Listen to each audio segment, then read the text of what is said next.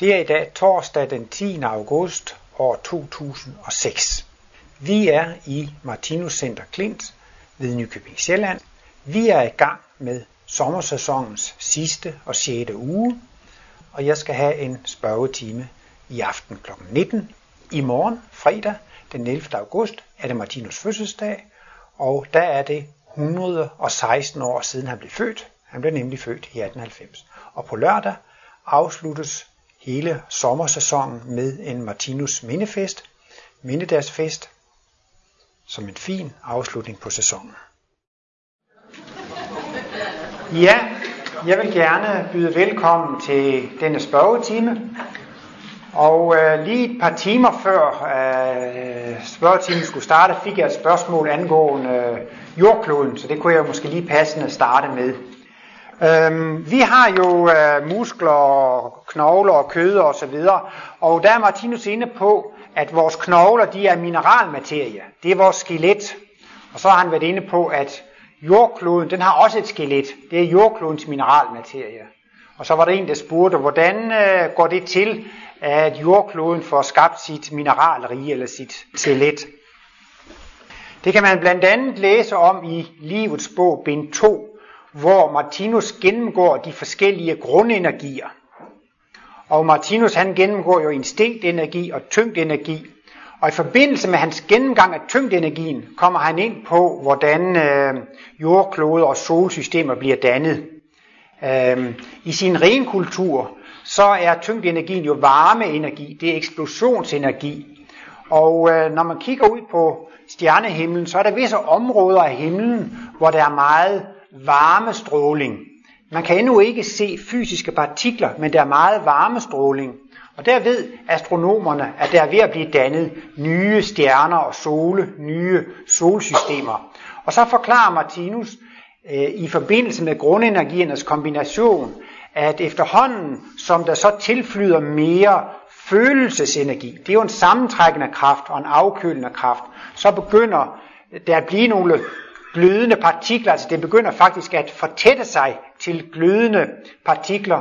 Og øhm, på et tidspunkt så var jo solsystemet en glødende ildkugle, og jordkloden den er altså født ud af solen. Normalt så er det jo sådan, at mennesker de får menneskebørn, og aber får abebørn, og planter de bliver øh, opformeret af andre planter. Men det er ikke alting, der er så firkantet. Og der er faktisk en lille undtagelse med hensyn til jorden. Den er født ud af en højere spiral. Jordkloden, den er født af solen. Jorden har cirka en alder på 5 milliarder år, og det har solsystemet også. Så da solen blev dannet, blev der slynget en lille klump ud, der blev slynget flere klumper ud, og det blev så til planeterne. Derfor må man sige, at solsystemets planeter, de er, født, de er født af solen. Så det er altså en undtagelse fra det her fødselsprincip. Planeterne er født af en, af en højere spiral. Normalt bliver vi jo født af væsener, som er i den samme spiral. Og jordkloden, den er så en glødende ildklump, men efterhånden som det tilflyder mere og mere følelsesenergi, så bliver den altså til afkølet mineralsk materie. Og efterhånden som den bliver mere og mere afkølet, opstår der muligheder for liv. Jeg havde lige tid til, før jeg kom, at slå op i artikelsamling nummer 1. Det er en bog, som består af 45 Martinus-artikler, og hvis I ikke har tilgang til de gamle overgange af Kosmos, så kan jeg virkelig anbefale artikelsamling 1, for det er alle de gamle artikler af Martinus. Og der er en artikel fra 1945, som hedder Den mentale treenighed. Og der kommer Martinus ind på, hvordan jordkloden bliver dannet. Og øhm, det er selvfølgelig en kombination af instinktenergi, af tyngdenergi og efterhånden, som der kommer mere følelsesenergi til, så bliver den glødende ildkugle afkølet til mineralsk materie. Og der taler Martinus om, at i starten, så var der en giftig atmosfære rundt omkring jordkloden. Men jordklodevæsenet er selv med til at danne sin egen krop, og der kommer han med en interessant oplysning. Det er altså i artikel nummer 20 i denne artikelsamling, den mentale træenighed. At takket være en kosmisk se-viden, altså en automatisk viden, en fra tidligere spiralkredsløb, så er jordkloden selv med til at rense sin øh, fysiske atmosfære, så det bliver muligheder for liv. Inden for den darwinistiske udvikling taler man altså om, hvordan livet udvikler sig. Men før livet opstod, så har der været en kemisk udvikling. Først var der bare helium og brintatomer, så blev der efterhånden dannet flere atomer, så blev der dannet kemiske forbindelser, så blev der dannet mere komplicerede kemiske forbindelser, så blev der dannet organiske molekyler, der kom aminosyre, der kom nukleinsyre, og molekylerne blev mere og mere komplicerede. Og så mener man jo så til sidst, at livet opstod ved en tilfældighed, fordi molekylerne var blevet til, tilstrækkeligt komplicerede ved tilfældigheder. Men der forstår man på Martinus' artikel der, at når denne kemiske udvikling fører fremad, og molekylerne bliver mere og mere komplicerede, så er det altså faktisk fordi, at det er jordklodevæsenet selv, der griber ind, sådan så altså, at øh, den er med til at skabe denne kemiske udvikling. Den kemiske udvikling, som var før den biologiske udvikling, den er ikke sket ved tilfældigheder, som materialisterne tror. Det er jordklodvæsenet, som er med til at skabe sin egen krop og sin, sin egen organisme. Det kan også være lidt svært det her med mineralrigt og de forskellige spiraler. Øhm, hvis man tager sådan en bjergkæde som Rocky Mountains, er det kun ét mineralvæsen, der er inkarneret der? Eller er der mange mineralvæsener, der er inkarneret? Er det mineralvæsener for klodespiralen? Er det for organismespiralen? Er det for organspiralen? Cellespiralen? Molekylspiralen? Det kan være lidt kompliceret. Men Martinus siger, at det gør ikke noget, for mineralerne har ingen oplevelse i den ydre fysiske verden, og derfor gør det ikke noget, øhm, om der er en eller flere, der er tilknyttet til det, fordi at man har ingen livsoplevelse igennem mineralmaterien. Men øh, der kan faktisk altså godt være et stort kollektiv af mineralvæsener, som er tilknyttet mineralmaterien. Men det gør ikke noget, at man skal dele mineralmaterien med andre, for man kan alligevel ikke opleve noget igennem mineralmaterien. Der findes et sted, hvor Martinus skriver noget om, at igennem træer eller store planter, kan der godt være flere jeger, som oplever livet. Men efterhånden så bliver det jo sådan, at en planter et jeg. Og dyrene kan man måske også godt sige nogle gange, at de har sådan en slags gruppesjæl, eller det er sådan en slags gruppesamhørighed. Så i den åndelige verden, der er man jo totalt sammensmeltet, der er man et. Og efterhånden, som man så kommer igennem mineralrige og planterige og dyrerige, så genvinder man jo mere og mere sin individualitet. Og når man er en materialistisk ateist og gør selvmord af fortvivlelse, så er man altså totalt adskilt fra guddom, totalt adskilt fra alt andet liv. Der kulminerer jeg-fornemmelsen. Og nu er vi jo så på vej imod at få kosmisk bevidsthed, hvor vi skal føre os, føle os et med alting. Men det var bare sådan lige et indledende spørgsmål omkring noget med jordklodens øh, mineralmaterie. Så vil jeg høre, om der er nogle spørgsmål fra salen. Ja? Ja, jeg har to spørgsmål. Øh, det ene det går på øh, kærlighed. Der står Martinus, at det er sådan en organisk struktur, som for eksempel øjet. Øh, og så er mit spørgsmål så, hvor i kroppen er det her organ, som så er kærlighed? Ja, jeg har lovet at gentage spørgsmålene, og det gør jeg så vidt jeg husker det. Martinus taler om, at kærligheden er en organisk struktur, omtrent ligesom øjet.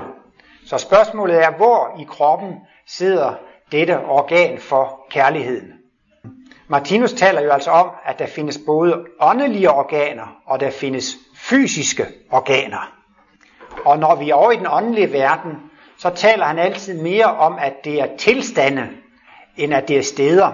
Altså vi kan sige, at vi er i Klint, og det er København. I den fysiske verden, hvor der er tid og rum, taler man om lokaliteter og steder. I den åndelige verden, der er det mere tale om bølgelængder eller tilstande.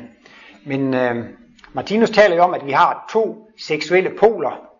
Den primære pol, den seksuelle pol, og så har vi en sekundær pol, den intellektuelle pol. Og i dyrerige, der kulminerer vi jo i enpolighed. Så langt hen ad vejen tror jeg godt, man kan sige, at det er den modsatte pol. Det er altså den sekundære pol, den intellektuelle pol. Det er den, som bærer kærligheden. Så hvis man skulle sige det på den måde, så må man vel altså sige, at den primære pol er knyttet til kønsorganerne, og den sekundære pol, den er altså knyttet til, øh, til, til, til hjernen, til den intellektuelle pol. Så jeg vil jo sige, at i os mennesker, næste kærlighedens organ, det er vores modsatte pol. Det er den, der bærer humaniteten frem. Og når denne pol er vokset helt frem til ligevægt med den øh, sekundære pol, ikke sandt, så er vi jo blevet kristusvæsener. Så er vi blevet kærlighedsvæsener. Så primært det, ja. Men som en parentes, så har Martinus også været inde på, at de forskellige grundenergier overskygger forskellige organsystemer. Han siger, at intelligensenergien, den overskygger hjernen. Hjernen er gennemsyret, den er gennemtrængt, eller den er overskygget af intelligensenergi. Og når man så kommer til lunge- og hjerteregion, blodkredsløb og kirtler, det er overskygget af følelsesenergi. Det er gennemtrængt af følelsesenergi. Så ud fra den synsvinkel kunne man selvfølgelig godt sige, at følelsesenergien, som under tiden omtales også som kærlighedsenergien, den er så mest lokaliseret til hjerte- og lungeområdet. Og så er det det her med eksplosionsenergien. Den overskygger fordøjelsesorganerne, fordi de er jo med til at nedbryde. Det er en voldsom proces at nedbryde føden, før den kan optages. Og intuitionsenergien, den overskygger kønsorganerne. Det er jo i den seksuelle akt, man kan opleve Guds ånd. Ved den seksuelle vellystfornemmelse, der oplever man altså den hellige ånd, eller Guds ånd. Det er den mest realistiske oplevelse, man kan få i kød og blod af Guds ånd.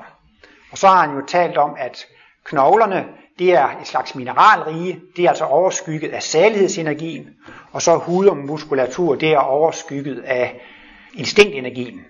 Men så hvis det skulle lokaliseres, så vil jeg næsten sige, at der er to svar, ikke? Primært vil jeg sige, at kærligheden bæres af den modsatte pol, af den intellektuelle pol. Men man kunne også godt argumentere for, at, at følelsesenergien, kærlighedsenergien, den overskygger især lunger- og hjerteregionen.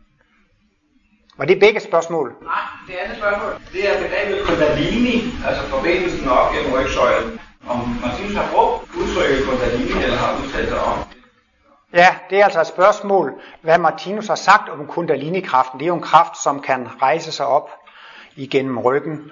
Og øhm, mig bekendt har Martinus ikke brugt ordet kundalini-kraft, og jeg, jeg har ikke studeret noget om det. Det ved jeg ikke noget om, så det kan jeg roligt udtale mig om. Men jeg har set nogle fjernsynsudsendelser, hvor det har været noget om kundalinekraften. Der var en serie på DR1, og der viste man en serie mennesker, som havde fået kundalini-rejsning. Og nogen var sluppet godt fra det, og langt de fleste var blevet invalideret og kunne ikke passe deres arbejde, og det har været en meget stor skade, de var udsat for. Og ifølge den beskrivelse, så kan jeg forstå, at det drejer sig noget om, at nede fra rodchakrat, eller nede fra sædet, eller nede fra kønsorganerne, rejser der sig en voldsom kraft, og den går ligesom som en eller anden brændende søjle, eller meget stærk energikraft op igennem ryggraden, og så går den altså hele vejen op til, til hjernen og op til hovedet og, og forbinder sig der. Jeg læste også engang uh, den her bog af John Engelbrecht, som hed Den intuitive tanke, og i andet bind var han inde på noget med Martinus, og der var også en mand, som hed Gobi Krishna, som, hvor han omtaler en kundalini-rejsning. Men ved en eller anden uheldig omstændighed, så stoppede den ved hovedet, og så kørte den frem og tilbage i kroppen som en ild og slog nærmest ligesom mod metalplade, altså slog imod op ved hovedet. Og han kunne ikke sove i 12-13 år, altså det var meget nedbrydende og meget uhyggeligt.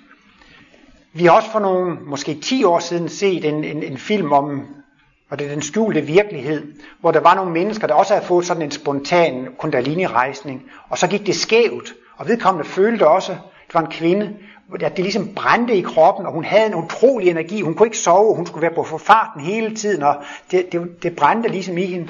Og hun var meget bange for at blive indlagt på psykiatrisk, for hun ville ikke have medicin. Og der kan man måske også med sådan en uheldig kundalinerejsning, hvis man kommer ind i behandlingssystemet der, få meget medicin, så man næsten bliver helt udbumpet af medicinen og bliver helt næsten tager skade af det. Men i den film, der fik hun kontakt med nogle sikker, altså nogen, der havde forstand på meditation og den slags ting. Og hun kom ud af det ved hjælp af, at der var nogle mennesker, som arbejdede med sådan noget meditation og, og, og kundalini-rejsning. Men øh, Martinus er jo alligevel inde på, at der skal komme en kontakt mellem de to poler, mellem den seksuelle pol og den intellektuelle pol. Og han siger jo, når vi bliver dobbeltpolet, så opstår der en forbindelse imellem de to poler. Og han taler om, at der er nogle psykiske nervetråde, der vokser ud fra den intellektuelle pol, som vokser nedad igennem ryggen, og ned fra den seksuelle pol er der nogle psykiske nervetråde, som, som vokser op. Og han siger netop, at de to seksuelle poler, de skal smelte sammen. Og øh, det skriver han om i slutningen af livets bog, bind 5, nærmere betegnet i stykke 1935, der skriver han om, hvordan de her øh, psykiske nervetråde de mødes. Så måske er det lidt i familie med kundalini-rejsning, for der er nogen, når de har fået sådan en vellykket, om man så må sige, kundalini-rejsning, at de har fået en slags indvielse eller en slags åbenbaring, har fået sådan en slags åndelig lysoplevelse. Men Martinus anbefaler ikke, at man mediterer for at se lyset, eller at man mediterer for at blive indvidt, eller man mediterer for at få sådan en kundalini-rejsning. Fordi at øh, det bedste er, at man får kosmiske glimt fuldstændig spontant som en stor overraskelse. Og han siger også, at man skal ikke tro, at man får kosmiske glimt i et raseriudbrud. Man får kosmiske glimt, når man er glad og tilfreds med livet og tilværelsen. Man føler sig lykkelig og godt tilfreds og i en sund tilstand og har et godt helbred. Så kan det komme fuldstændig spontant. Det er absolut den bedste måde at få det på. Men hvis man ved meditation tilstræber en kundalini-rejsning, eller det, at man skal få en indvielse, er der en vis risiko ved det. Martinus siger, at man kan jo gøre det, at man sætter sig ned og gentager nogle kærlige ord, nogle kærlige sætninger. Og så kan man sidde hver dag i timevis, 2, 4, 6, 8, 10 timer, og gentage og gentage og gentage kærlige tanker. Så kan man faktisk godt komme i sådan et kærligt tankeklima, at det udløser en kontakt med de højeste åndskræfter. Men så er man ikke naturlig modnet til det. Og så kan man altså få nedslag af meget høje åndelige energier. Og de er simpelthen så stærke og så kraftige, at man tager skade af det. Man skal jo ikke sætte højspænding på et svagstrømsanlæg, så brænder det sammen. Så på en måde kan man sige, at altså man sætter faktisk lidt højspænding på en krop, hvor man provokerer det frem, men ikke modne til det. Det er ikke stærkt nok til at, at, at tage det. Så derfor advarer Martinus lidt imod det. Og der er jo mange af de der traditioner med meditation fra Østen, de har måske været gode nok i den østlige kultur, når man var under vejledning af en guru, som kendte sin elev. Men det er farligt, når det bliver sluppet fri i Vesten. Så følger man ikke forskrifterne, man kan selv eksperimentere med det. Og så er der altså meget stor risici ved det. Og blot det, at det kan gå galt, er nok til, at Martinus han advarer imod det. Det, der er det centrale i Martinus kosmologi, det er jo det, at man skal være næstekærlig, og man skal tilgive sine fjender. Han blev tit spurgt, om han ikke havde en meditation eller en teknik. Og det sagde han, det havde han ikke. Har du ikke nogen metode? Nej, men han fik det spørgsmål så tit, så det sidste så sagde Martinus, jo, han havde en metode. Den absolut hurtigste vej til kosmisk bevidsthed, den hurtigste vej til indvielse, det er at tilgive sine fjender. Det lyder jo lidt kedeligt. Men hvis man virkelig vil arbejde aktivt og bevidst på sin egen åndelige udvikling, så er det det absolut vigtigste felt. Det er at arbejde med næstekærligheden og at, at elske sine fjender. Så, så det er i hvert fald Martinus anbefaling, hvis man gerne vil have kosmisk bevidsthed og opleve lyset og indvielsen. Det er jo altså at gå næstekærlighedens vej. Så kommer det helt automatisk, når, når det skal komme. Jeg tror, det var Bertil Ekstrøm, der lavede lidt sjov med at sige, at han tog med i sin aftenbøn, at han ikke skulle få noget kosmisk glimt. Fordi at det kunne være farligt, hvis det kom for tidligt. Så, og det synes jeg, det kan ligge noget rigtigt i. Man skulle snart bede om ikke at få det. For kommer det for tidligt, så giver det problemer. Og hvis det venter rigtig lang tid, så er det en garanti for, at man er helt moden til det, når man får det. Og så bliver det en enorm velsignelse og glæde at opleve det. Ja. Spørgsmål om øh, befrugtning og hvornår liv indtræder. Når en sædcelle øh, smelter en ægcelle, så opstår der en nyt mulighed for liv. Uanset om det er ved samleje eller det er kunstig befrugtning. Men når vi har nogle etiske regler for, hvornår man kan foretage øh, abort, så har vi nogle regler for, hvor tidligt eller hvor sent kan man gå ind og afbryde i svangerskab. Og så har jeg tænkt på, hvornår indtræder liv egentlig set i kosmisk eller i åndsvidenskabelig øh, belysning?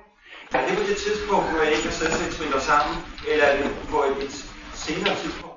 Ja, jeg kunne måske starte med at bede teknikken om at sætte symbolet med undfangelsen på. Det er symbol nummer 34.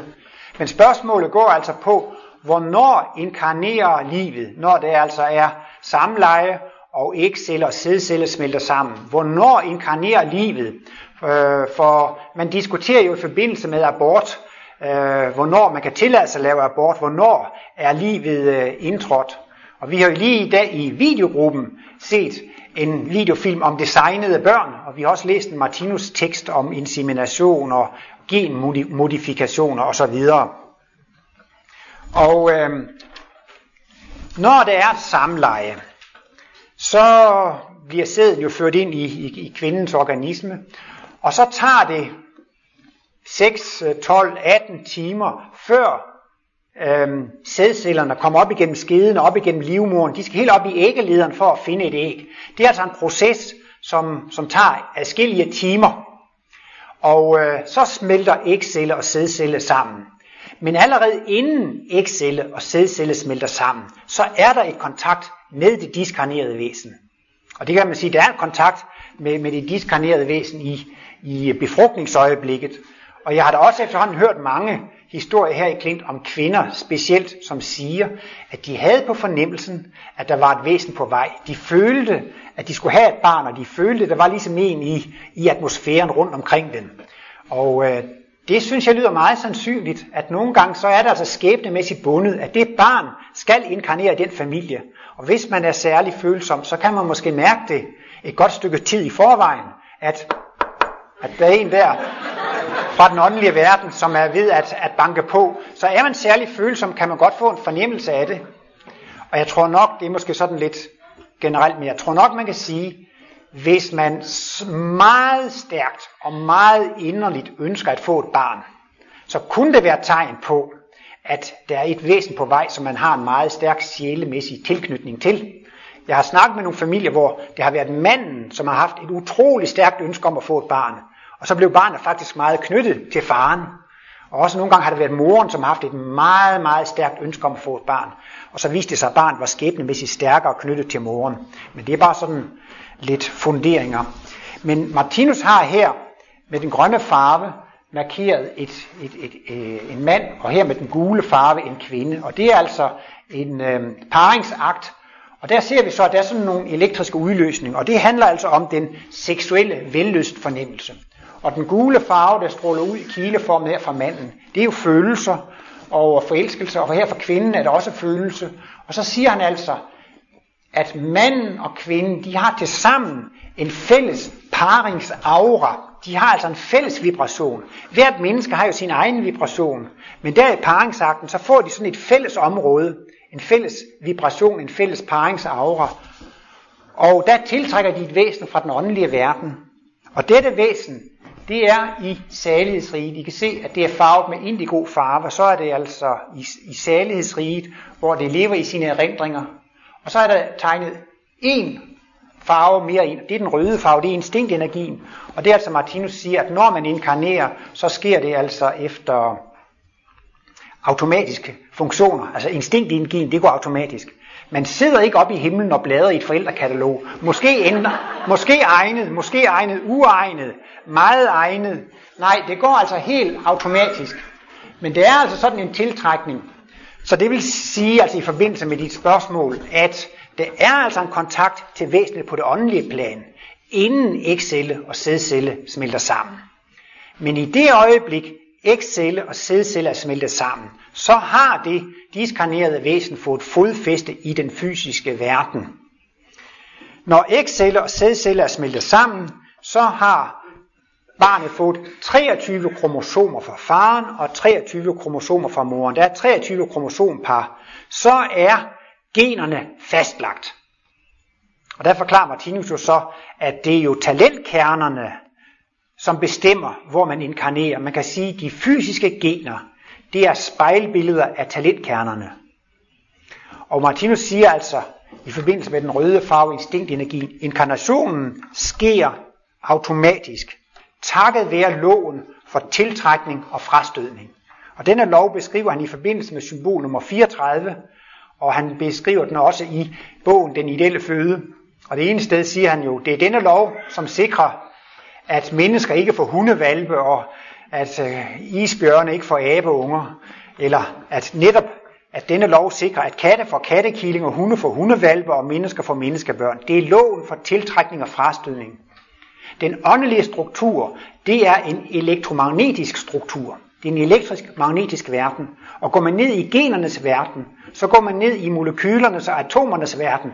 Det er også en elektromagnetisk verden. Så derfor gælder der altså ved inkarnationsprocessen elektromagnetiske love.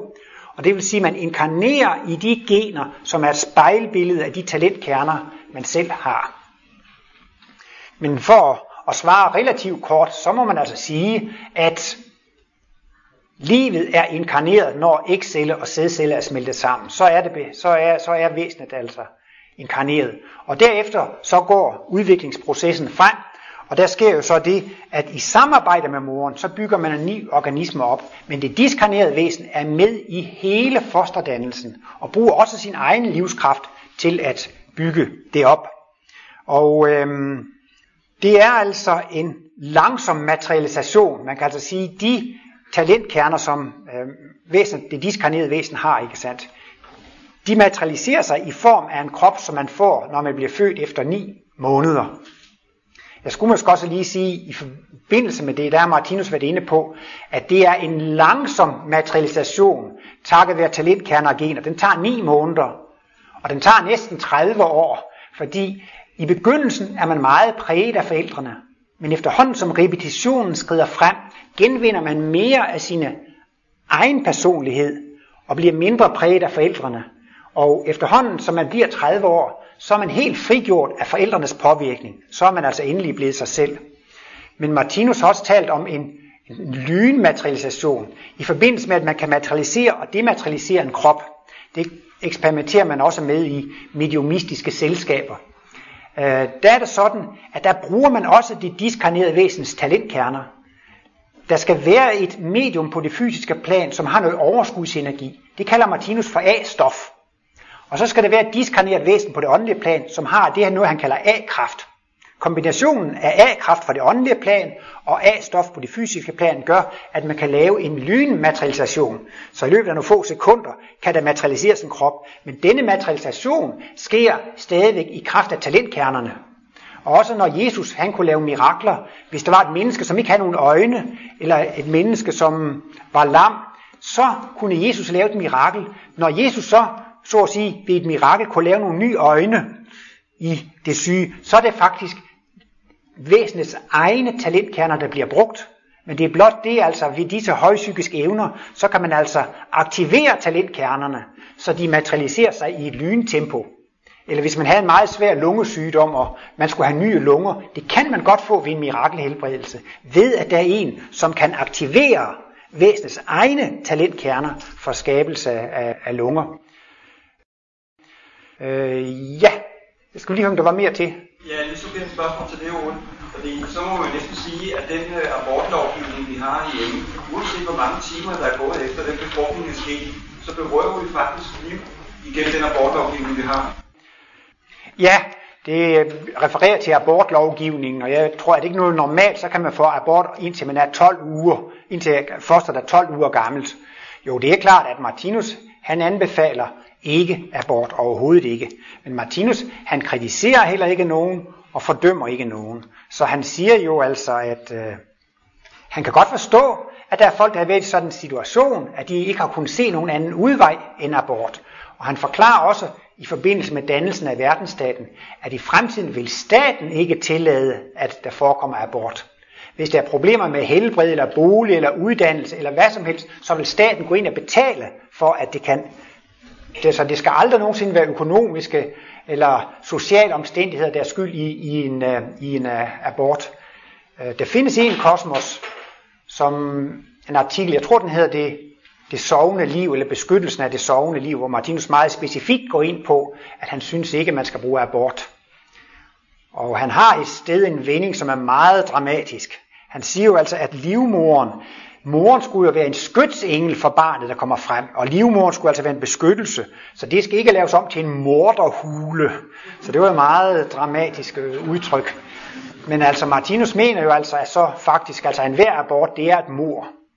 Og han har været inde på, at øh, det er skadeligt for det væsen, som bliver aborteret. Det kommer til at miste noget livskraft. Han har ikke detaljeret det ud, men han har antydet, at lægevidenskaben vil i fremtiden komme frem til, at der bliver født nogle børn med et bestemt lille handicap, og så vil man nå frem til, at det er abortbørn. Fordi lige så snart ægceller og sædceller smelter sammen, så begynder det åndelige væsen at bruge energi og kraft på at bygge et foster op. Og hvis det så bliver sendt tilbage til den åndelige verden, så er det altså brugt noget af energien. Altså et batteri har altså sådan en vis, når et batteri er ladet op, så kan det køre et vist stykke tid. Og der har man altså brugt lidt af livskraftsbatteriet der, på grund af de forgæves forsøg. Så når man inkarnerer anden gang, så kommer man altså ind med et livskrafttab, som gør, at man får et eller andet, ikke af Martinus nærmere defineret øh, øh, øh, øh, handicap eller, eller tab. Og så kan man selvfølgelig sige, at manden er jo lige så ansvarlig for aborten som kvinden.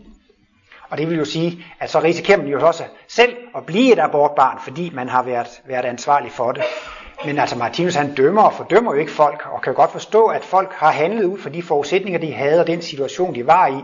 Men det anbefaler han bestemt ikke. Og det er jo da også en, at gå imod livsloven, en sabotage af livsloven. Og han bruger jo så tit det der udtryk, at forældrene, det er fysiske skytsengle for barnet og for fosteret, ikke sandt? Så det er jo ikke, kan jo ikke være meningen, at skytsenglene, de skal myrde og dræbe det lille foster, og man kan sige, jo mere ubehjælpsom man er, desto større beskyttelse har man jo, øh, har man jo brug for.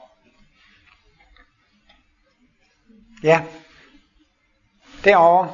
Ja, så går vi så øh, over i den anden ende der. Fordi øh, i øjeblikket er der noget debat i radioen om, at, øh, at man skal ligesom pålæggerne øh, hjælpe de der øh, meget kraftsyge, der har meget smerte, øh, med at føre dem over på det åndelige plan. Altså man skal være lidt mere aktiv i, i det der, så de ikke lider alt for unødigt alt for længe. Ja, spørgsmål. Så altså, det betyder, når, man, øh, når vi nu lever i det, er det så så slemt at, at øh, få forkortet livet, når man er uhelbredeligt syg med mange smerter? Vil det, vil det blive tilgivet, eller, eller får man dårlig karma? Ja, det er altså et spørgsmål, som drejer sig om aktiv dødshjælp, og det bliver jo praktiseret i stor grad i Holland. Og spørgsmålet er altså, hvordan stiller Martinus sig til, at man afkorter denne smertefulde situation? Og i slutningen af spørgsmålet var der noget med, hvilken konsekvens kan det have, og kan man blive tilgivet for at have gjort noget sådan? Og jeg tror godt, man kort kan sige, at Martinus gik ikke ind for aktiv dødshjælp. Men jeg kan godt forstå, at man gør det ud fra fysisk side. Nej, det lå også det i spørgsmålet, når vi nu er evige væsener, gør det så noget, vi afkorter livet? Men man kan også sige, hvis man myrder andre mennesker, det gør vel ikke noget, du er jo evig væsen. Så det, at man er evig, kan vel ikke bruges som argument for, at man kan tillade sig at, at dræbe andre. Men altså, fra en materialistisk synsvinkel, så er det jo slut, når man dør. Der er ingenting bagefter. Hvorfor skal folk så ligge og pines og plages, før de dør? Så kan man lige så godt hjælpe dem over. Men Martinus viser jo med sine analyser, at der er ingen livsoplevelse, der er overflødig. Og hver livsoplevelse, den har altså en effekt eller en virkning. Og så kan man komme til at se noget anderledes på det. Hvis nu man har meget stærke smerter og lidel, store lidelser, før man dør, så har man jo fået overstået en masse smerter og lidelse. Så er man blevet mere human og næstekærlig. Det vil sige, at man lider ikke forgæves. Også selvom det, man er kræftsyg, der kun er en måned, eller fem måneder, eller et år tilbage. Det er ikke forgæves, at man lider. Det har en effekt, det har en virkning. Og hvis man slap for de der halvårs lidelser, så har man dem bare til gode til næste liv. Man kommer ikke udenom dem. Og nogle gange var Martinus vel næsten lidt ligesom inde på, at jamen, når man nu er syg og ikke kan så meget, så kan man lige så godt tage det med. Altså, det var en gang, som blev blind, hvad jeg har hørt, under en sygdom, og vedkommende var meget ked af det. Så sagde Martinus, jamen så får man jo også prøve det med, og når man alligevel var syg og i slutningen af livet, så er det jo lige så godt at få det prøvet med nu, i stedet for at man skulle ind og være blind som barn eller som ung. Så, så det, det aspekt har man jo overhovedet ikke ind i den almindelige debat, at lidelsen og smerten har en effekt, man lærer noget af det, og det man får overstået i her liv, det er man færdig med næste gang. Det er jo lidt analog med selvmorderen, som har så store problemer, at vedkommende vælger at gøre selvmord for at komme ud af problemet. Men så siger Martinus, så kommer han bare ind i de samme problemer igen. Han siger, bare det der kunne holde ud. Lad os nu sige, at man har så store problemer, man svæber sig igennem livet, men man dør alligevel naturligt til sidst. Så er der overstået. Al den smerte og lidelse, man har taget med i det her liv, den slipper man for i, i, i, næste, i næste liv. Men det er jo ikke sådan, at Martinus han var sadist. Han syntes godt, man kunne, kunne bruge smertestillende midler. Og det findes lige frem et sted, hvor han siger noget i forbindelse med hovedpinetabletter eller smertestillende midler, at det er jo en velsignelse for mikrokosmos. Det går jo ondt på os, men det er jo også hele verdenskrigen i mikrokosmos. Så det kan være en stor velsignelse med smertestillende midler. Men det skal jo ikke overdrives. Der er et foredrag, hvor han er inde på mennesker, som drikker en flaske snaps om dagen, og så starter de næste dag med en masse hovedpinetabletter. Så bliver mikroindividerne sablet ned, som han siger.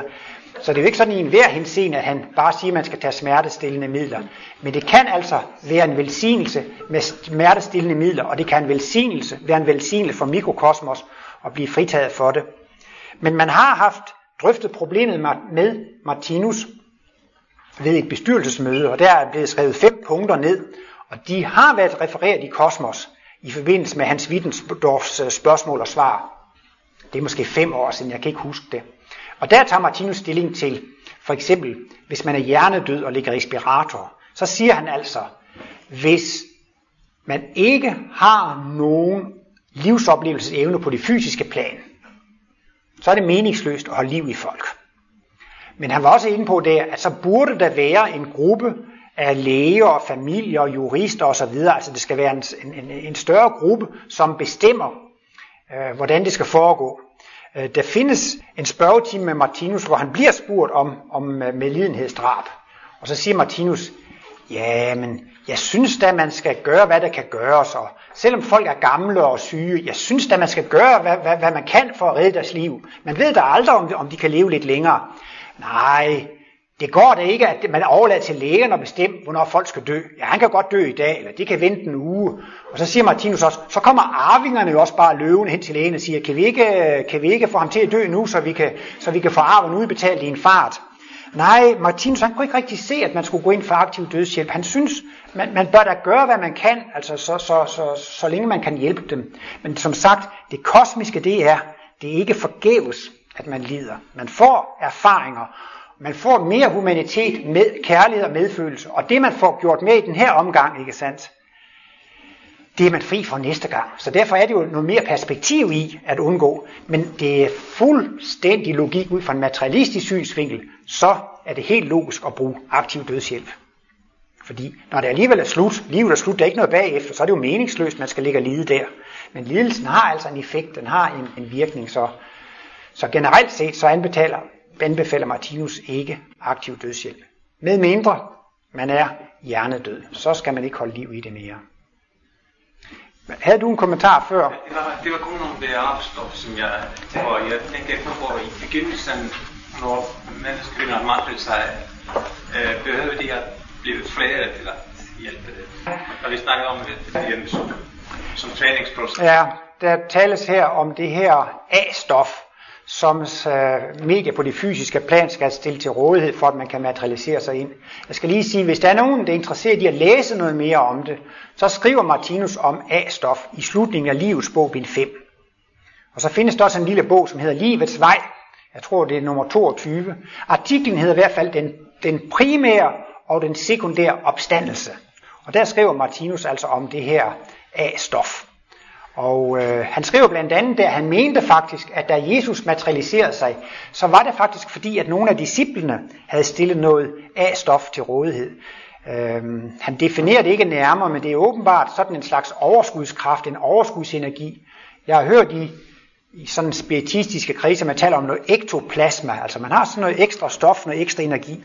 Og øh, Martinus øh, sagde, at øh, at der findes allerede lukkede øh, okult, eller hvad hedder det, mediumistiske kredse, som arbejder med materialisation i dag. Og øh, I har sikkert alle sammen set sådan nogle slørede, spøgelseslignende fotografier af mennesker, som er ved at blive materialiseret ind. Men Martinus mente altså, at det kunne være, den kunne være god nok. Altså at, øh, at man øh, stiller det her A-stof til rådighed, for at der er en afdød, som skal materialisere sig ind på det fysiske plan. Men han siger også, at det er en meget speciel proces, og det er næsten ligesom, at det her sjælestof eller sjælefluid der fra mediet flyder over til den, som er ved at blive inkarneret, og på en måde, så går de næsten ligesom i et, og, og det medium, som stiller sin kraft til rådighed, er utrolig sårbart.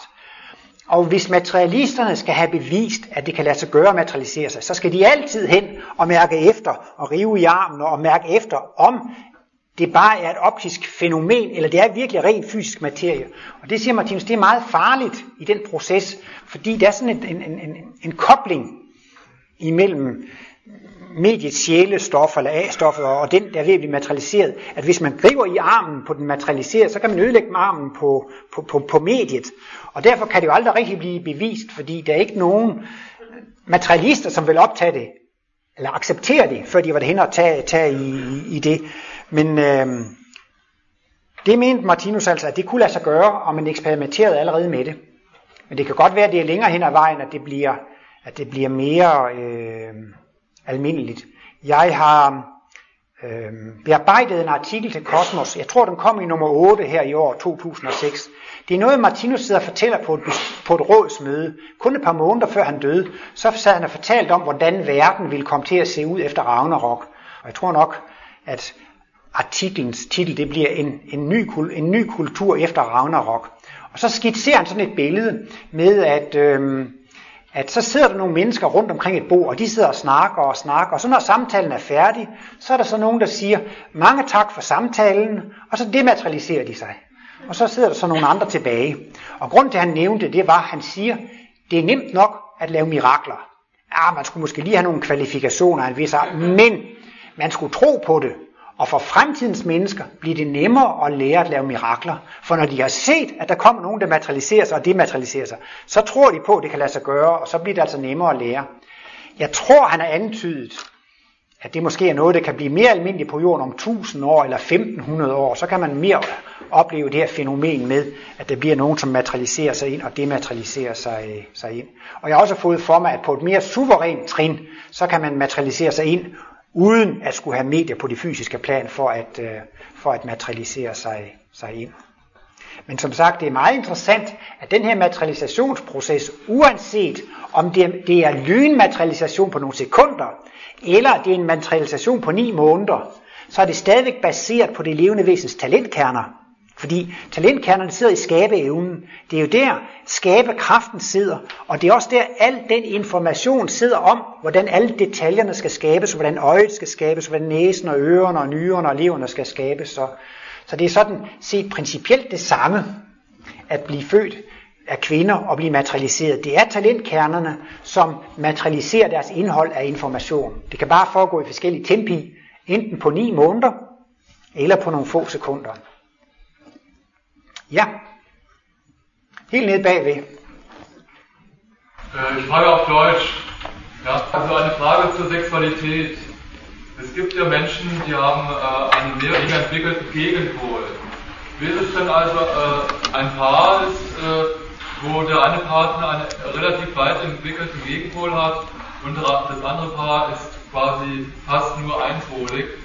Äh, ist es da für die geistige Entwicklung äh, dieses, sagen wir mal, weiter äh, ausgeglichenen Partners äh, schädlich, also Geschlechtsverkehr mit diesen etwas primitiveren, um es mal so auszudrücken, Menschen zu haben. Wie kann, man, wie kann man Menschen, die können sich Partner finden und erkennen, dass sie ähnlich gelagerte Polarität Ja. ja, det er jo et meget interessant spørgsmål, som vi fik her på tysk. Og spørgsmålet går ud på, uh, hvordan det forholder sig, når to mennesker kommer i et par. Uh, men det er to mennesker, som har forskellig poludvikling.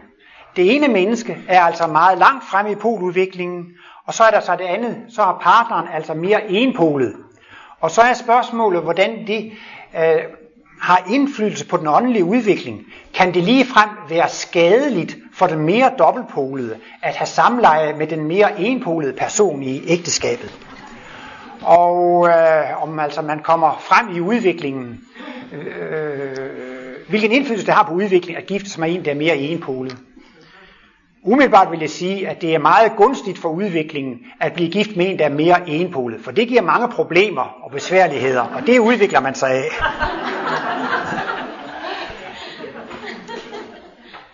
Når der findes et par, et ægte par, så er det ikke bare to mennesker, der skal giftes, så er Martinus inde på, at det er fire mennesker, som skal giftes. Og derfor bliver det meget kompliceret. Først og fremmest er det den maskuline pol i manden, som bliver gift med den feminine pol i kvinden. Det er den seksuelle tiltrækning, som er imellem de seksuelle poler. Og som Ingemar Fridell ofte siger, det er ikke nogen intellektuel præstation at blive forelsket. Det foregår på et sekund ved et øjekast, så er man forelsket. Og det er altså noget instinktivt, og det er noget automatisk. Og det vil sige, når man parer sig, så foregår det instinktivt og automatisk ved det første øjekast. Det vil altså sige, at det der i første omgang klistrer et par sammen, det er altså den seksuelle tiltrækning, og det er forelskelsen. Og så er spørgsmålet, hvordan billedet ser ud, når forelskelsen er over. Og der kan der nogle gange komme en stor overraskelse. Hvad er det for et menneske, som går rundt i mit køkken her? Man synes, det er et fuldstændigt fremmed menneske, som går rundt der, man, man føler sig vildt. Og det kan netop være, for at de er meget forskellige i poludviklingen. Så det kan godt give store problemer og store lidelse. Hvis det er manden, som er mest poludviklet, så kan han komme til at fremstå som det, Martinus kalder for en tøffelhelt. Toffelhjelter. Manden er human udviklet. Han vil undgå problemer og stridighed i ægteskabet, så han gør, hvad den tyranniske hustru siger. Han retter sig efter. Han gider simpelthen ikke have fred, eller han kan ikke tåle det. Han vil ikke have ufred og skænderi. Så gør han hellere, som det bliver sagt, for at undgå striden. Og så fremstår han altså som en tøffelhelt. Det kan også godt være kvinden, som er den mest poludviklede. Og så bliver manden jo også direkte en tyran, som giver kvinden ordre. Hun finder sig i det, fordi hun er så human. Hun vil ikke have krig. Hun vil ikke have, have den der ufred. Så på den måde kan det godt blive en lidelse for den poludviklede at være i sådan et ægteskab. Jesus sagde jo, tag dit kors og følg mig. Så det kan også være, blive et kors at være gift med en mere enpolet.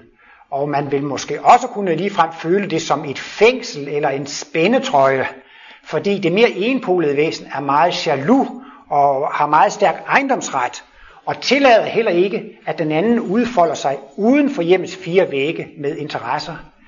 Jeg har indtil flere gange haft weekendkurser og spørgetimer, hvor der er en kvinde, som siger, ja normalt så kan jeg jo ikke komme her i weekenden, men nu er min mand ude at rejse, for han vil nemlig ikke have, at jeg går til sådan nogle kurser og sådan nogle foredrag. Og det er jo et typisk eksempel på en enpolet mand, som er jaloux på hendes interesser og som bestemmer. Og der vil hun jo også komme til at føle det, som om hun lever i en spændetrøje. Men hvis man holder det ud, kan man jo bare sige, så bliver man bare endnu mere vaccineret mod ægteskabet. der, der var en spørgetime, hvor der var en mand, der spurgte, Martinus, hvordan kan man undgå at blive gift i næste liv? Og så grinede Martinus jo lidt. Ja, jeg kan jo godt forstå, at spørgeren har haft et svært ægteskab. Men det kan være meget svært at undgå. Fordi i ungdommens år kan man meget let blive, for, blive forelsket igen og komme ind i et ægteskab. Øh, det her har Martinus også øh, analyseret i livets bog bind 5 under den her kategori, som Martinus kalder H-mennesker. H-mennesker, det er humane mennesker, så det er nemt at, at huske. Og der siger han, at de er egentlig vokset ud af den ægteskabelige zone. De er uegnede til at leve i ægteskab. De kan ikke være forelsket i den samme partner hele livet. Der må jeg måske lige benytte lejligheden til at komme med min, med min standardvits om, hvor lang tid forelskelsen kan holde. Der er danskerne dem, der er længst fremme i den seksuelle degeneration. Jeg er nemlig fysikere og kemikere, og der har man visse måleenheder. Og denne lykkelige periode efter ægteskabet kalder svenskerne for en smekmonat, altså en kærtegnsmåned. Så der har man altså en måleenhed på den lykkelige periode, som er i måneder. Tyskerne, de taler om noget, som hedder Flitterwoche.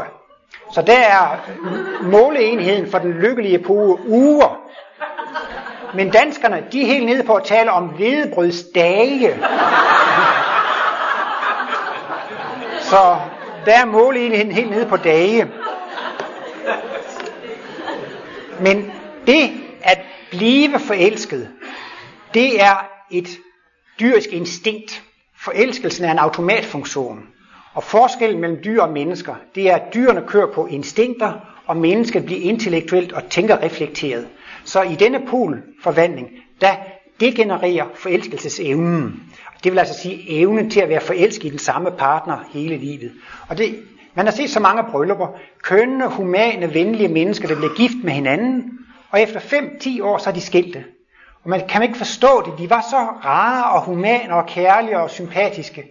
Men de kan bare ikke, forelskelsen, den er altså hørt op. Nu kan man så godt se det mod det er lidt, lidt øhm, paradoxale, at mennesker, som er kommet længere frem i poludviklingen, de kan tit blive forelsket. Men det er nærmest sådan lidt plukforelskelser. Altså de har sådan en sympati, så jeg, de kan ikke bare, det er ikke bare deres egne kone, de kan elske. De kan elske naboens kone og genboens kone og alle kvinder på arbejdet. De har fået sådan en, en sympati for andre, så de har faktisk meget nemt ved at blive forelsket i en lang række forskellige mennesker. Men det holder altså ikke ret lang tid, så forelskelsesevnen er alligevel degenereret. Selvom man godt kan blive forelsket i mange forskellige. Men det, at man kan holde ud og leve med den samme partner i lang tid, det er altså et gammelt dyrisk instinkt, og det er altså degenereret. Forelskelsen sidder ikke i så længe. Og så er jo så spørgsmålet, hvordan man reagerer i en sådan situation. Og den ideale fordring ud fra Kristusprincippet, det er jo hellere at give end at tage. Det er at sætte andres lykke højere end sin egen lykke. Og der vil man måske undgå en skilsmisse, hvis børnene vil blive ked af det, eller hvis partneren vil ked af det. Så siger man så, jamen er der nogen her i firmaet, der skal blive ulykkelige, så foretrækker jeg, at det er mig. Og så bliver man i ægteskabet, og, og, og så at sige. Så siger Martinus ganske vist, at man kan komme til at lide af sjælelig vitaminmangel. Fordi det at blive forelsket, det er det samme som sjælelige vitaminer. Det giver noget livsløst og noget livskraft at, at blive forelsket. Så blev der også spurgt om i spørgsmålet, om det var skadeligt for den mere poludviklede at have samleje med en mere enpolet. Når jeg nu, da det var, var, var et tysk spørgsmål, så vil jeg gerne referere til en tysk øh, øh, film. Og det er en film, som lige er kommet op, som hedder Den hvide Masai. Der Weiße altså Masai. Det er altså en tysk kvinde, som bliver meget forelsket i en rigtig flot Masai-kriger. Og det er jo et godt eksempel på, at der er en seksuel tiltrækning. Hun bliver øhm, forelsket i den afrikaner og flytter ned i, i bushen i Afrika ned til denne mand. Og det går jo godt, så længe at det er de to seksuelle poler, der er tiltrukket til hinanden. Så fungerer det. Men så lidt længere hen ad vejen, så viser det sig jo, at hun har mange talenter. Hun er meget kreativ, og hun kan lave ting, og hun kan sælge ting. Og så bliver han meget jaloux på hendes evner og hendes foretagsomhed, for sådan skal hans kone ikke gøre. Og der kommer så netop konflikten i det forhold, at hun er faktisk langt længere fremme i poludviklingen, end han er. Og så i en første omgang, så går det godt, så længe det er forelskelsen og den seksuelle tiltrækning. Men når den er over, så bliver det altså, hvor godt de to poler svarer til hinanden. Martinus har i forbindelse med H-mennesker skrevet, at selvom disse H-mennesker er vokset ud af ægteskabets zone, så kan det godt forekomme, at de bliver forelsket i deres unge dage og bliver gift, men hvis begge partnere er H-mennesker, kan det blive endda overordentligt lykkelige ægteskaber, fordi at så siger den ene, jamen det gælder om at gøre den anden lykkelig. Det kan jeg da undvære. Og, og, og når begge parter har det på den måde, at de handler ikke for at få deres egen vilje, men for hvordan kan jeg bedst gøre det for den anden, så kan det blive meget lykkeligt. Men så er det faktisk båret på den nye humanitet. Så er det båret på den nye pol, det er båret på venskab og loyalitet, og så er det ikke så meget bundet på den seksuelle tiltrækning. For nogle år siden, der havde man lavet en undersøgelse over lange og lykkelige ægteskaber. Og de var jo altså meget få. Men man havde fundet ud af, hvad er det for nogle kvaliteter, der får ægteskaber til at holde sammen. Og det var jo netop kammeratskab, men venskab og interesser og humanitet og så videre. Så det er alle de dobbeltpolede egenskaber, der holdt dem sammen. Så var det Bo Bøjsen, sådan en karikaturtegning. Han har tegnet en tegning af, hvor et lykkeligt ægtepar, de var kommet til psykolog. Og så spørger psykologen, sig mig, hvordan, hvordan føles det at tilhøre en seksuel minoritet? Fordi man kan næsten sige, at de lykkelige ægteskaber, det er i dag en seksuel minoritet. Men øh, ja, Ingrid, vi kunne måske sætte symbol nummer 34 på igen med Guds ånd i øh, mørket med paringsakten. Martinus er nemlig inde på, at meningen med paringsakten, det er, at der skal komme børn ud af det. Når man har dette samleje, så sætter det altså en funktion i gang. Og det kan man sige, det går efter naturens love, og det går efter guddommelige love. Og meningen med samleje, det er selvfølgelig, at man skal få øh, afkom. Men det er også det, man skal få en lysoplevelse. Man kan sige, parringen eller samlejet har to formål. For det første, at man skal have en lysoplevelse, og for det andet, at reinkarnationen kan sikres, og man kan komme ind på de fysiske plan. Og det er en meget guddommelig proces, og når man har samlejet, så trykker man på den knap, der sætter hele den her inkarnationsproces i gang. Men hvis man så bruger præventionsmidler, så saboterer man faktisk disse naturlige love. Så Martinus har ved Garden Party i 1973 sagt, at, at præventionsmidler er en sabotage af de guddommelige love. Med mine ord, så vil jeg sige, man holder de her væsener, dem holder man for nar, man holder, man holder grin med væsenerne på det åndelige plan, når man anvender præventionsmidler. Fordi man sætter processen i gang, men de kan alligevel ikke øh, komme ind. Og øhm, Martinus siger, at samlejet, det er noget fra dyreriget. Der findes en penis, som skal føre sæden ind i hunden, ikke sandt? Det er for, at befrugtning kan finde sted. Det er altså noget, der er lavet som en dyrisk proces. Men hvis man vil have nydelsen og lyset, men man vil ikke vil have børn, så anbefaler han altså, at man ikke bruger samleje. Og han, nu har vi været inde på abort, det er i hvert fald slet ikke anbefalesværdigt at bruge abort som præventionsmiddel. Men altså også p-piller, det kan også forstyrre organiske funktioner, så man måske kan blive ufrugtbar i kommende liv. Og det er bare en spekulation, jeg har haft. Måske hvis man får skåret æggelederen over, måske kan man få en indsnævring i æggelederen i, i, i kommende liv, som, som man ikke kan øh, få børn. Men Martinus, selv sådan noget som pessar og kondom og sådan noget, det ville Martinus altså heller ikke anbefale. Men han sagde, at der findes jo mange andre sjove juleleje. Der findes mange andre muligheder. Og øh, han gik altså ind for det, han kalder for kærtegnsseksualitet. Og den dyriske seksualitet, det er kaninseksualiteten, det er selve parringen. Men alt, hvad der har med forspil og efterspil og eugene zoner og lange kys og kærtegn og massage, det er menneskeseksualitet. Og det kunne Martinus anbefale. Og det er altså i kontakt med livets love. Jeg skal nok lige komme tilbage der. Så, men så skriver han så, så skriver han så i slutningen af livets bog, bind 4, præventionsmidler er en guddommelig velsignelse. Hvis alternativet er uønskede børn, og sådan er det jo tit med kosmologien, man kan ikke sige, det er det eller det, det er sort eller hvidt. Det afhænger tit af, at man må bedømme, hvad er det mindste onde af to onder. Og der kan være mange situationer, hvor præventionsmidler er det mindste onde. Det vil være et større onde med uønskede børn. Og så skal man også se på, at mennesker har forskellige lægemskrav. Det skriver han om i begyndelsen af tredje, tredje øh, bind af livets bog. Der skriver han om, at enpolede kvinder og dobbeltpolede kvinder har forskellige lægemskrav. Og altså også enpolede mænd og dobbeltpolede mænd har forskellige lægemskrav. Og det er for nogle mennesker, så er det nødvendigt at have samlejer for at få en normal øh, følelse af velvære. Altså for, de har et kropsbehov, som gør, at for at have den her normale velfølelse, så skal de have samleje. Men det findes også andre, som ikke har den øh, trang til samleje, som har mere behov for kærtegn og, og altså for, for menneskelig seksualitet, som ikke har de kropsbehov. Og øh, der er også mange mennesker, som har problemer med samlejet, og så skal man til, altså hvad hedder de, skrive til de her seksuelle brevkasser og få løst alle de her seksuelle problemer. Det er jo fordi, at de dyriske instinkter degenererer, og i og for sig skal man slet ikke være ked af, hvis det seksuelle samliv med samlejet ikke fungerer særlig godt, for det er bare et tegn på, at de dyriske instinkter er ved at degenerere. Men sådan som pornoindustrien og alt det med film, så er det jo det eneste ene, der dur med, med disse samlejer, ikke? Men der findes altså helt andre muligheder.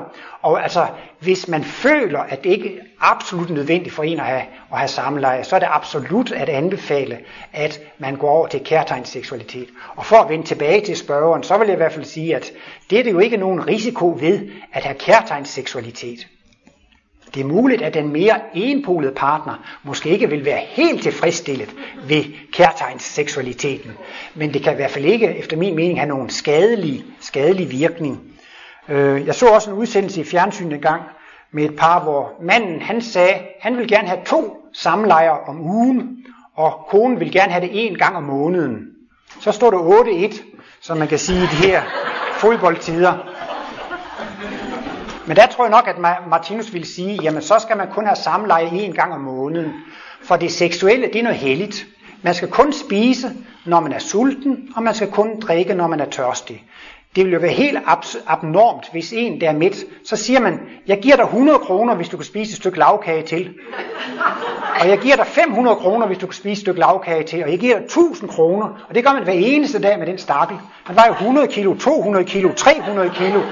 Det er jo helt abnormt, at han spiser, bare fordi han får penge for det. Og sådan er det altså også med seksualiteten. Man skal ikke have seksualitet, fordi man bliver overtalt til det, fordi man bliver tvunget til det, fordi man bliver betalt for det. Man skal kun have seksualitet, når man har lyst til det.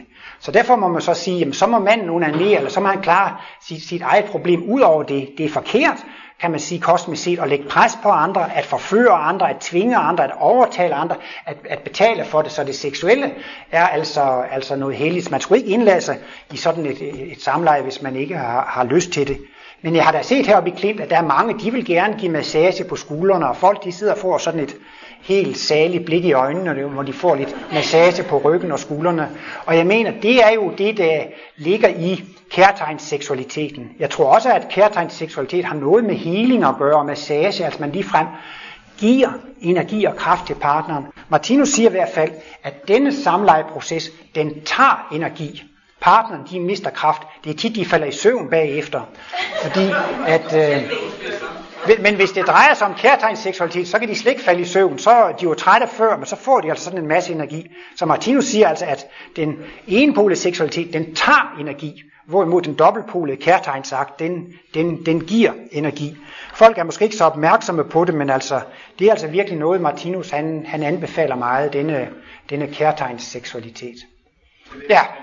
Det jeg mener, det er jo, det er jo altså, så vidt jeg er orienteret, så får de kvinden jo kun gravid få der om måneden, så mener de behøver. Det er jo bare lige bruge den der visdom, vi har omkring det.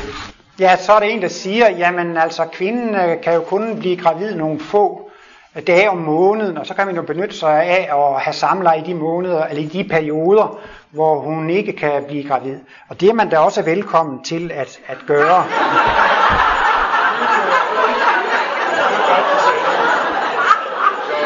Men, øh, men øh, jeg skal lige kommentere.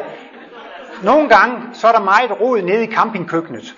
Og så var det en, der skrev en gang, vask op efter dig. De skal efter dig. Ellers så kommer du aldrig ud af dyreriget. Og det samme kan altså være med, altså, hvis man praktiserer de dyriske vaner, så bliver man i dyreriget, så kommer man ikke ud af dyreriget. Øh, og det vil altså sige, at ved at have samlejeseksualitet, så praktiserer man også de dyriske vaner, og så kommer man heller ikke ud af dyreriget. jo, jo. Man skal være med af det først. Og har man det kropsbehov, så skal man endelig gøre det. Men Martinus vil bare oplyse om, at der findes altså andre muligheder, og disse andre muligheder er mere i kontakt med livslovene. Og de er altså, så at sige, helt uskadelige, dette med, med, med kærtegns seksualiteten. Så altså, jeg tror også nok, at et parforhold vil være mere præget af ejendomsbegær og jalousi, hvis man har samleje seksualitet. Trykker man på den knap, så tænder man for radioen. Trykker man på den knap, tænder man for fjernsynet. Og ham samleje, så trykker man på den knap, som aktiverer de enpolede funktioner, de dyriske funktioner, hvilket blandt andet har med jalousi og ejendomsbegær og parforhold og stor begrænsning. Men hvis man i det samme parforhold gik over til at praktisere kærtegnens seksualitet, så er jeg overbevist om, at det forhold vil få en mere venskabelig karakter, og man vil ikke binde hinanden så meget, og det vil få et meget mere menneskeligt præg. Så uanset om man gør det i de perioder der, hvor konen ikke kan blive, så har det alligevel en virkning. Og der kan man så gå op med sig selv om, om man virkelig, virkelig gerne vil have, at forhold skal være meget enpolet, så, så er det jo alle tiders metode. Men altså, hvis man, hvis man føler, at ægteskabet er lidt af en spændetrøje eller en fængsel, eller man føler, at det er en belastning med samlejeseksualiteten, så er det jo mange ægteskaber, der går i stykker. Og man kan også sige, hvis der overhovedet ikke er nogen som helst seksualitet mellem mand og kvinde, så er det jo ikke noget ægteskab mere. Fordi det er jo meningen med, med, med ægteskabet, ikke sandt? Men jeg tror faktisk, at mange ægteskaber kunne reddes, hvis folk fandt ud af, at man behøvede ikke at samleje seksualitet, man kunne godt bruge kærtegnsseksualitet, så tror jeg, at der var mange, der faktisk godt kunne fortsætte med et seksuelt samliv. Fordi det kan være, at den ene af parterne er midt af, af samleje på den, på, på, på den konto, så går de seksuelle liv totalt i stå. Men det havde du ikke behøvet at gøre, hvis man brugte mere kærtegn og massage. Mange tak for i aften.